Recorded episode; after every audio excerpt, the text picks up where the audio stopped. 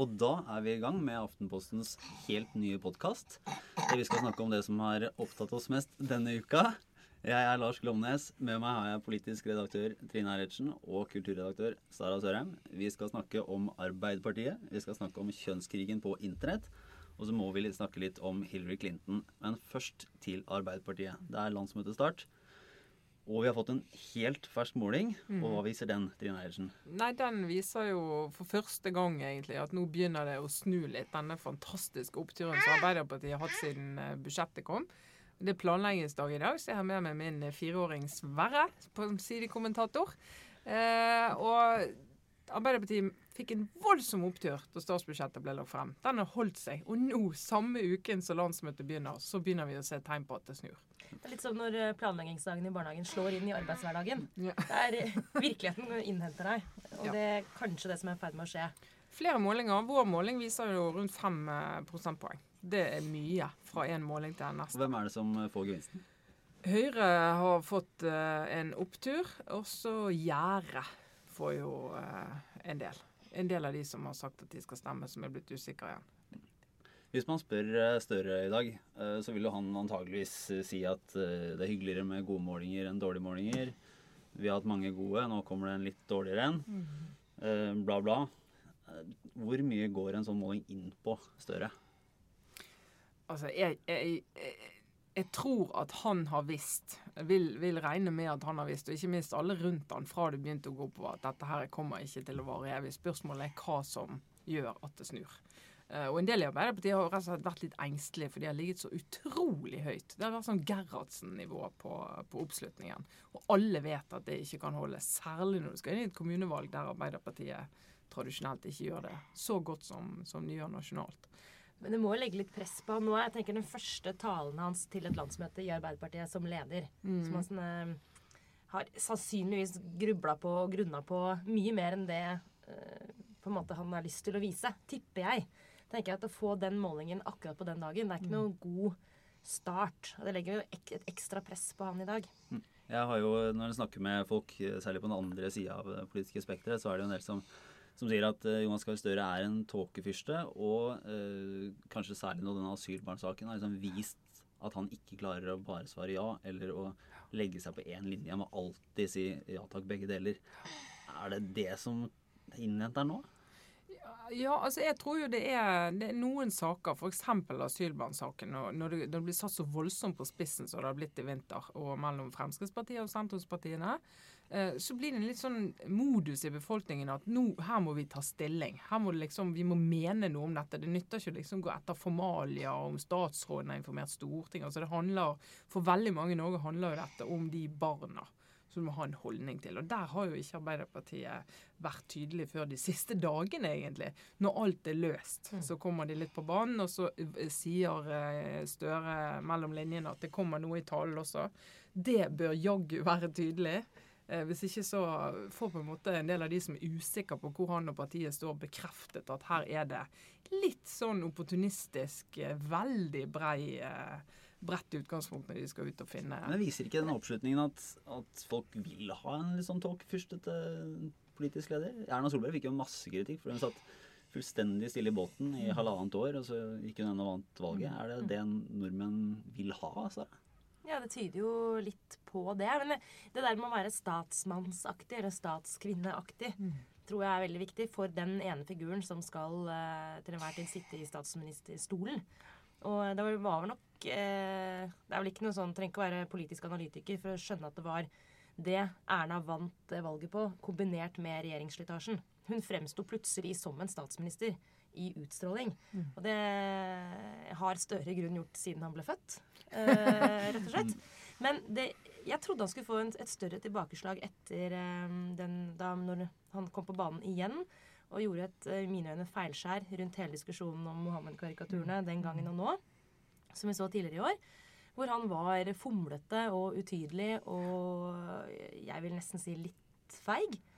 Men likevel så viser det seg at det er helt uh, uproblematisk når det gjelder oppslutning. Så Støre har den der evnen til å bare komme seg ut av problemer tilsynelatende uh, uten å ta noe som helst skade av det. Og det må jo snu en dag. Men det, men det, vi så i forrige valgkamp, for det er jo helt riktig at da, eh, Høyre og Erna Solberg bygget jo altså De fløt på en bølge der hun, hun jobbet med å heve seg over den hverdagslige politiske kjeklingen. Sant? Voldsom fordel for eh, Erna og Høyre når eh, SV kunne kjefte på Arbeiderpartiet for det var et eller annet de ikke fikk til, og så kunne hun si at eh, herlighet, flertall, det er like mye kaos det som borgerlig samling. men så så vi når selve valgkampen begynte da begynte oppslutningen å falle mm. rundt Høyre. For da begynte det å bli konkret på saker. Veldig tydelig. Du var nødt til å svare. Det gikk liksom ikke an å gå inn i en valgkamp og være litt sånn rund i formuleringen og ikke kunne svare på formuesskatt og alt dette.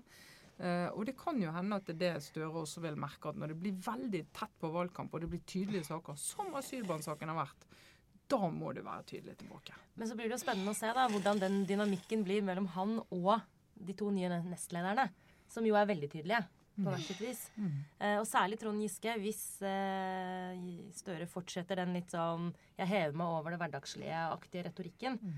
og Giske fyker rundt og mener noe om absolutt alt, mm. uh, og Hadia, er jo, Hadia Tajik er en relativt tydelig politiker, hun mm. også, mm. så kan det slå ut to veier for Støre. Det kan være et helt sånn genialt lag for Arbeiderpartiet. Mm.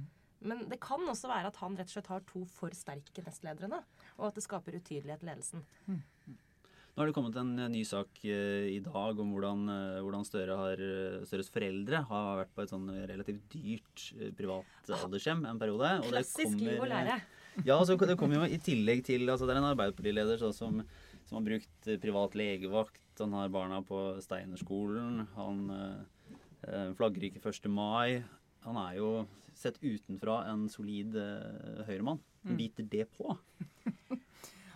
Han har jo vært gjennom noen av de rundene før, så for en del, en del tror jeg nok er ferdig med det. Men det er klart at eh, og jeg, og jeg, personlig mener jo at den sykehjemssaken, i hva grad skal et barn stilles til ansvar for uh, sine foreldres valg? Det er jo en diskusjon når du velger akkurat det eksempelet.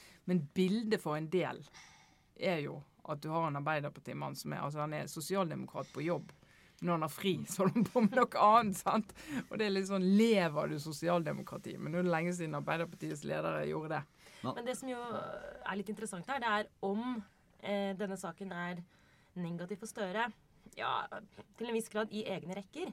Men det er ikke noen bra sak for Høyre heller å kritisere han for å omfavne Høyre-samfunnet.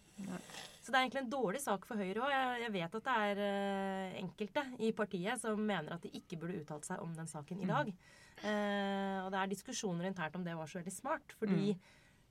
det de egentlig sier, er jo at uh, Støre burde vært en av oss, men av en eller annen grunn så har han valgt bort oss. Og det er egentlig en dårlig sak for Høyre. Mm. Mm. For han benytter seg av mulighetene i Høyre-samfunnet? Ja, Høyre det, det Høyre vil ha mer av? Ja. Og så syns jo Støre er litt offensiv i det. For han kunne jo sagt ja, men dette her viser jo at Én, uh, så viser det jo at Arbeiderpartiet er åpen for mer mangfold enn vi blir beskyldt for å være. Så kan du Audun Lysbakken profitere på at uh, han vil ha et mye mer rent og rødt samfunn. Uh, men så kan han jo også si, og dessuten viser det at det fremdeles mangler ved det offentlige helsevesenet som vi har lyst til å satse på. Og da dukker det opp sånne tilbud. Og så kunne han liksom brukt det som en argumentasjon inni her. Men han virker jo snarere litt sånn snurt, og det er jo en av utfordringene til, uh, til Støre når han blir virkelig utfordret, da. Han er jo herr Snurt når han møter akkurat for mye motstand. Lett retthaversk. Um, sammen med statsministeren, faktisk. Eh, Erna Solberg. De to er jo uh, De har jo hukommelse som elefanter, begge to. Husker alle som har stilt et dumt spørsmål. Husker alle teite saker. Klarer ikke helt å legge det vekk. Uh, Erna har nok fått litt mer trening i å gjøre det, men hvis Støre skal bli altså henge seg like mye opp i en del av de tingene, så tror jeg han blir utslitt det skal bli veldig interessante dueller etter hvert mellom de to. Mm. Eh, eventuelt utrolig kjedelige. Ja, det blir veldig faktaorientert. ja. Det så man jo litt på Støre etter dette to mot én-TV-konseptet som, som, du og Harald Stanghelle hadde denne uken. Ja. Eh, så var jo ikke Støre veldig interessert i å snakke mer med oss i Aftenposten om disse problemsakene, eller, eller ta klar stilling. Ja. Eh, da var det jo plutselig ikke tid til, eh, tid til intervjuer, og da ville de heller selge inn ideer om, eh, om skole og helse. Så her, ja. ja, nå er vi inne fra planleggingsdagen. Da tar vi de av. Ja. Det som jo Trine må gjøre nå, er jo faktisk også, kjære lyttere, forholde seg til meldinger fra gulvet. Fordi fireåringen sitter på gulvet her inne i studio og var nå blitt veldig varm. På føttene. Og det er jo egentlig en sånn uh, ting man lett glemmer, for å ikke misbruke din sønn som metafor. Men akkurat de der meldingene fra gulvet Det er litt interessant nå i Arbeiderpartiet at visstnok Det virker som om at partiorganisasjonen, altså langt der ute i lokallagene, uh, føler seg hørt på en annen måte av ledelsen nå enn det de gjorde særlig i siste perioden med Stoltenberg. Hvor han eh, for så vidt fremsto litt som at alle saker var ferdig behandla. Alt var tatt stilling til, og det ble ikke drevet noen særlig utvikling, utvikling av ny politikk i Arbeiderpartiet. Det virker som om det har snudd litt nå. Det virker som de driver litt politisk verksted igjen. Eh, Og Det blir spennende å se på landsmøtet nå denne helgen, og kanskje også landsmøtet neste år. Om det faktisk Ja, det tar vel fort et år til, da. Men om det faktisk kommer nye politiske initiativer, nye politiske ideer ut av dette. Og det tror jeg de er litt avhengig av, fordi det er grenser for hvor lenge de kan leve på Støre-effekten. Kanskje ikke lenger enn til over sommeren. Jeg tror Sverre var enig i det. Ja. Til en annen eh, liten eh, sak som eh, traff, uh, traff mediene i dag. Det var denne Hadia Tajik, som da har mottatt lønn fra NRK ved siden av stortingslønnen for å lage og utvikle TV-program. Ja. Det her eh, er veldig delte meninger om den saken. Noen sier at det bare er, bare er tull, og selvfølgelig må man kunne få lov til å tjene penger ved siden av å bruke fritida på noe som eh, genererer inntekt. Andre sier at er du stortingsrepresentant, så er det det du jobber med. Hvordan ser du den saken, Sara? Nei, den saken er interessant, men jeg, jeg tror den kommer til å blåse over.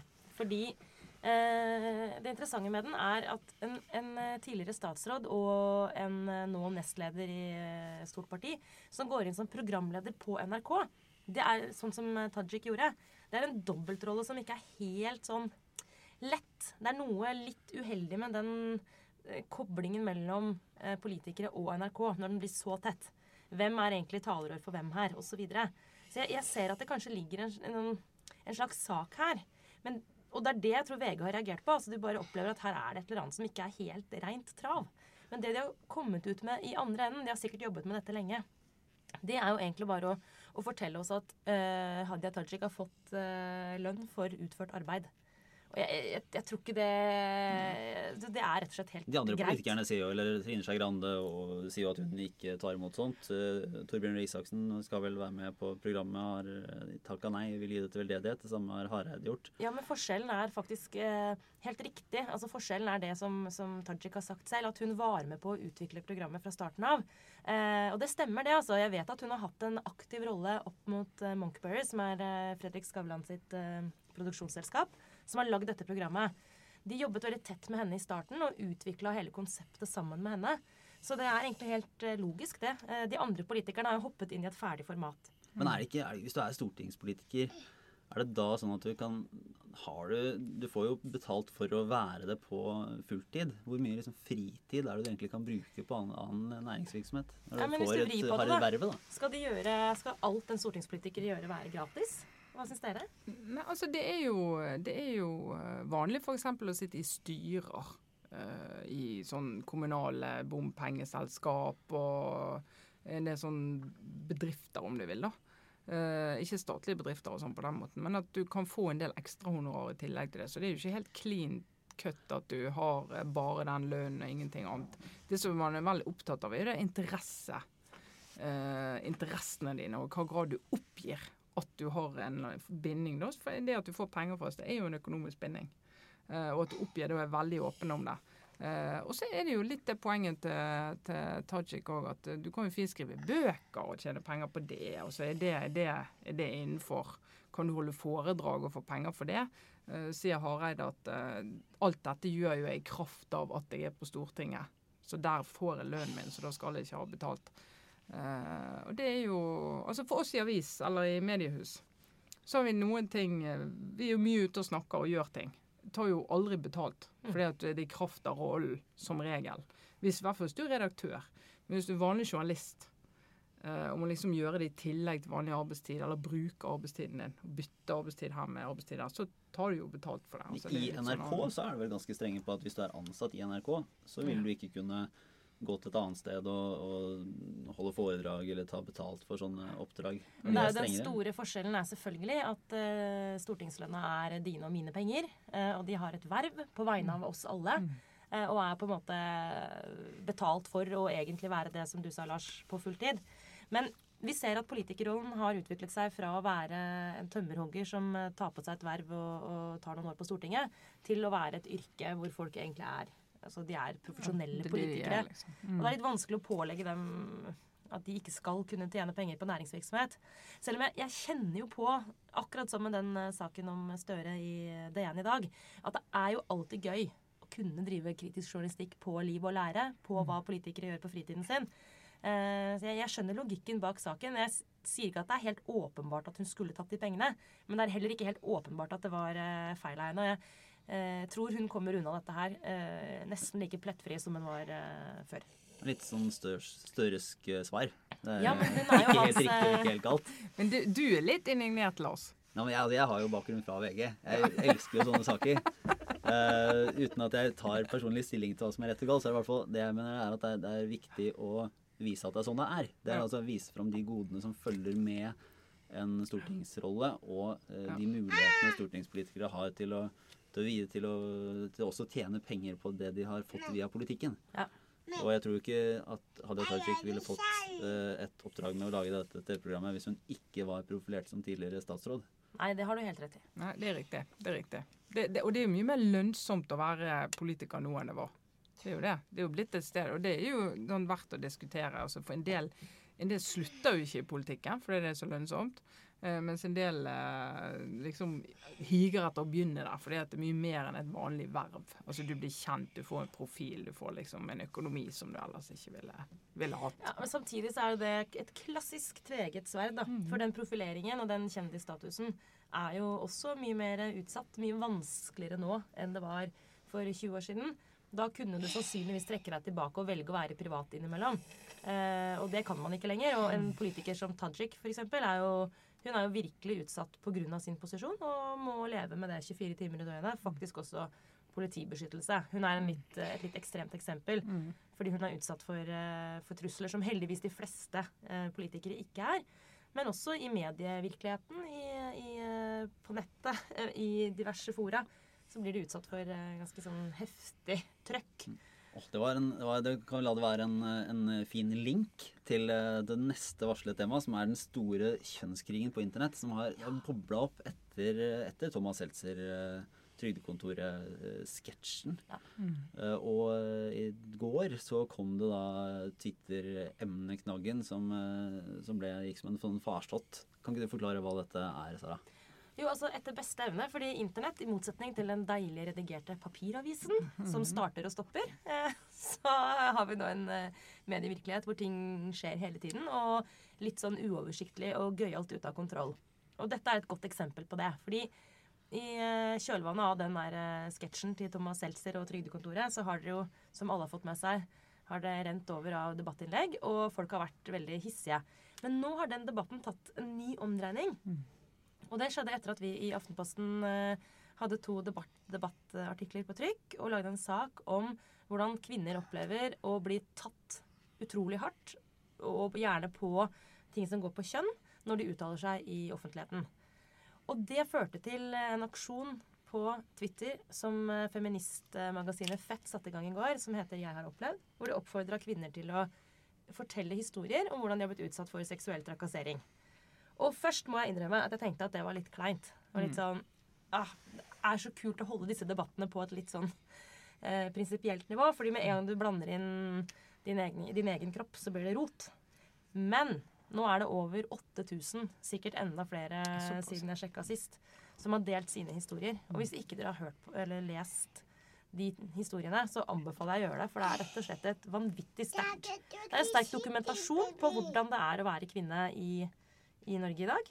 Eh, og det er helt vanlige damer som skriver, også noen menn. Det er ikke folk som er en del av debatten, eller som tidligere har uttalt seg veldig tydelig på dette her.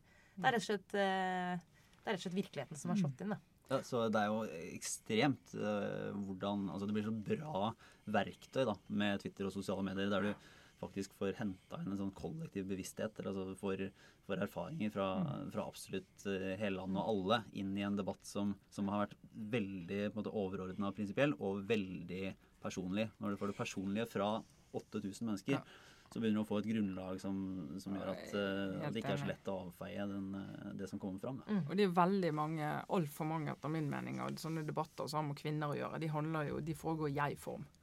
Jeg har opplevd altså. Eh, og hvis, det, hvis det er bare et par, eh, to-tre stykker som deltar i den debatten, så, så blir det en veldig sånn rar debatt. For hvis jeg sier at jeg har opplevd noe, så er det veldig vanskelig for deg å argumentere mot min opplevelse og alt jeg mener det bør føre til. Eh, men hvis du har 8000 så kan du liksom slå fast at dette er en problemstilling som du kan løfte opp og diskutere mer generelt og prinsipielt. Så jeg syns jo nettopp volumet her er jo det som gjør denne runden av en ganske kjent debatt eh, mer interessant enn den har vært på mange år, faktisk. Og da går du fra det personlige til at det faktisk blir da dokumentert. Mm. Og en annen ting er at denne debatten også Og disse debattene blir alltid veldig preget av en sånn gjeng med alfahanner i offentligheten som er vanskelige Si navnet. Si hva de heter. Si hva de heter. Det, det er, la oss bare Jeg nevner i fleng. Eh, Thomas Seltzer. Kjetil Rollnes. Eh, Harald Eia. Han har ikke uttalt seg i denne sammenhengen, men han har tidligere vært uh, ute og brisket seg. Eh, hjelp meg, hvem flere er det? Dagfinn Nordbø. Dagfinn Nordbø var ute nå, ja. Det som kjennetegner disse mennene, er at de bruker en blanding av veldig kraftig retorikk og humor skråstrek ironi. Noe jeg sjøl benytter meg av flittig. Det er ikke noe gærent med det. Men det blir så vanskelig å forholde seg til dem, for du skjønner aldri helt om de ler med deg eller mot deg. Og så er de veldig aktive på særlig Facebook. Dette er jo Facebook-høgre. Eh, en fraksjon av denne gjengen. Eh, og de, de driver mye med sånn eh, direkte personlig kritikk. Blanda sammen med prinsipielle standpunkter, og veldig, veldig hardt. Og de er altså rett og slett eh, veldig mektige i norsk eh, offentlighet. Og prøvde seg i går på liksom å tøyse bort hele den der eh, 'jeg har opplevd'-hashtagen. Men de ble liksom bare slått tilbake. Det funka ikke. Dagfinn Nordbø prøvde seg på litt sånn tenåringsaktig eh, tøys i den tråden. Og ble bare slamma ned. Hva er hovedargumentasjonsrekka eller den røde tråden i den, eh, den klubben der, da, vi skal kalle det? Ja, det, I denne sammenhengen så handler det egentlig om at man Skal vi, skal vi la Sverre slippe ut Sverre av ut. studio her? Jeg et en øyeblikk? Ja. Vi kan jo opplyse leserne, om, nei, lytterne om at fireåringen i studio syns ikke det var så kjempegøy å høre om Kjønnskrigen på internett. Ikke engang Peppa Gris kunne over, overdøve den. Men eh, det som jo kanskje er et slags sånt bilde, eller sånt tidsbilde akkurat nå, er jo at den ironien som denne nevnte gjengen ofte står for. eh, Ja. I går funka den ikke. Og kanskje den ikke lenger funker generelt. Det er også et av de mest interessante innleggene i går. Vi håper dette går bra. Det var uh, Mathias Fischer i Bergens Tidende. Han er jo bare et par og 20 år. Ung mann som skriver uh, kommentar. Uh, liksom nå, gutter. Nå, vi kan godt le, og vi har ledd lenge, og vi har aldri egentlig satt oss inn i hvordan det er, men dette må jo gjøre inntrykk. Nå må jo vi si fra. Altså, Jeg har aldri sagt fra når jeg har sett noe sånt. Du liksom bare tenker ja, jeg ser en annen vei. Sånn tror jeg mange sa det. Og Da får du også en ny dimensjon inn i det. Ikke fra en sånn der, eh, hva skal jeg si, ellevill, myk eh, femi, eh, feministmann, men fra en liksom helt vanlig ung mann som er inni, inni det tankegodset og tar det på en helt annen måte enn den generasjonen du snakker om. Men tenk av dere hvis eh, 2015 ble det året hvor eh, Jonas Gahr Støre møtte virkeligheten, og ironi tapte på internett, og USA fikk en kvinnelig presidentkandidat som klarte å bryte gjennom nevnte Unnskyld uttrykket dritt som damer i alle år har måttet eh, forholde seg til som offentlige figurer. Hevet seg over det og fremsto som USAs mektigste person. Hvis alt det skjer i løpet av ett år, eller i hvert fall to, da, så tenker jeg sånn Ja. Da syns jeg, da syns jeg grunnen at vi lever i en ganske god tid. Da vil du gå eh, framover, mener du? ja, selv om vi, vi i mediebransjen liker å snakke om at vi lever i en endetid, så tenker jeg at eh, dette er, dette er ting som gjør at det kan bli gøy i de neste åra også. Fordi Hillary Clinton, du er fan, er det så? Du, vet du hva? Ja, nå fan. er det nå jeg skal komme ut av skapet. Nei, jeg er fan på alle måter. Og Mhm. tilbake i 2008 så hadde jeg mange krangler og diskusjoner med omtrent alle jeg kjenner som er opptatt av amerikansk politikk. Eh, som alle sammen var liksom Obama-folk. Eh, og jeg følte at jeg var veldig alene om å heie på Hillary. Og dette her, nå, nå er det her min liksom frydefull nå, nå, Jeg bare fryder meg over å se at eh, veldig mange av dem nå er enige med meg. Eh, dette er kanskje veldig barnslig, og denne presidentvalgkampen handler jo ikke om meg, men jeg tar det likevel som en Ja, det, personlig det seier. skal han ta med seg. Det er ikke noe Men mener du at Hillary burde vunnet for åtte år siden? Nei. Eh, jo, jo. Eller jeg mente Mener det det? da. Ja. Mente Mener du det? ja, ja, jeg heiet jo på henne som bare det. Ja, ja, ja. Akkurat. Var det feil? Ja, altså Den gangen var det Obama som gjaldt. Det mener jeg. Det må du bare ta inn over deg. sånn, ja, men hvis, du lar historien eh, liksom Hvis du ser på hva som har skjedd siden Trine, det var jo ikke, han ble jo ikke noe bra. Nei, men hvem blir det, da? Altså i, Med den sitsen som, eh, som han har hatt med republikanerne i flertall så store deler av perioden. Han har jo ikke hatt noe rom. Men selvfølgelig, han som alle andre, rett inn i det.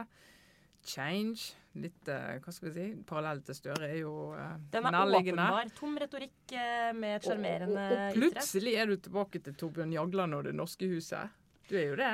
Men, det, men det, det kommer ikke det er, vel, det er vel lite som tyder på at det kommer en ny Obama. I betydningen. I betydningen at eh, mange trodde at Hillary Clinton lå an til å, til å vinne dette i 2008 også. Ja. Og så kom jo Obama fra, om ikke Ja. helt fra sidelinjen, så i hvert fall fra, Ja. fra borti eh, buskene og på en måte sneik seg opp og tok over hele showet. At det kan dukke opp en joker nå, ja. Ja, Hos Demokratene. Ja, men jeg tror ikke det. det er vel ikke noe som tyder på det. Nei, det er ingenting som tyder på det, altså. Det er ingenting som tyder på det. Men det er jo fremdeles en stund igjen. Det er en stund igjen. Men eh, på republikansk side er det jo veldig morsomt. Ja, der er det en hel haug med, hel med haug. fantastiske Og, og der skjer det jo faktisk politikkutvikling. sant? Det er jo, kanskje, det er jo et pussig parti. Sånn sett med norske øyne så er republikanerne helt elleville. Men det, de er jo eh, De driver faktisk med nyutvikling av politikk og tar på en måte inn over seg har vært en Hvilken fordel er det for, er det for eh, republikanerne å ha en, altså en, en valgkamp eh, seg imellom først? Mens Hillary, hvis hun ikke får noen ordentlige motstandere, kommer til å måtte cruise rundt og, og Mm. gå og vente på, på at det bikkjeslagsmålet på republik republikansk side skal være over. De får jo mye mer oppmerksomhet om politikk.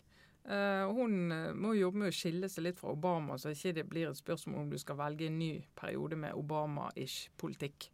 Uh, eller om du skal skifte helt. Og det er jo som regel sånn etter åtte år så skal det mye til at ikke folk har behov for å, å, skifte politikk. Så hun må jo markere en forskjell til uh, avstand til uh, Obama, samtidig som hun greier å holde interessen oppe rundt seg sjøl.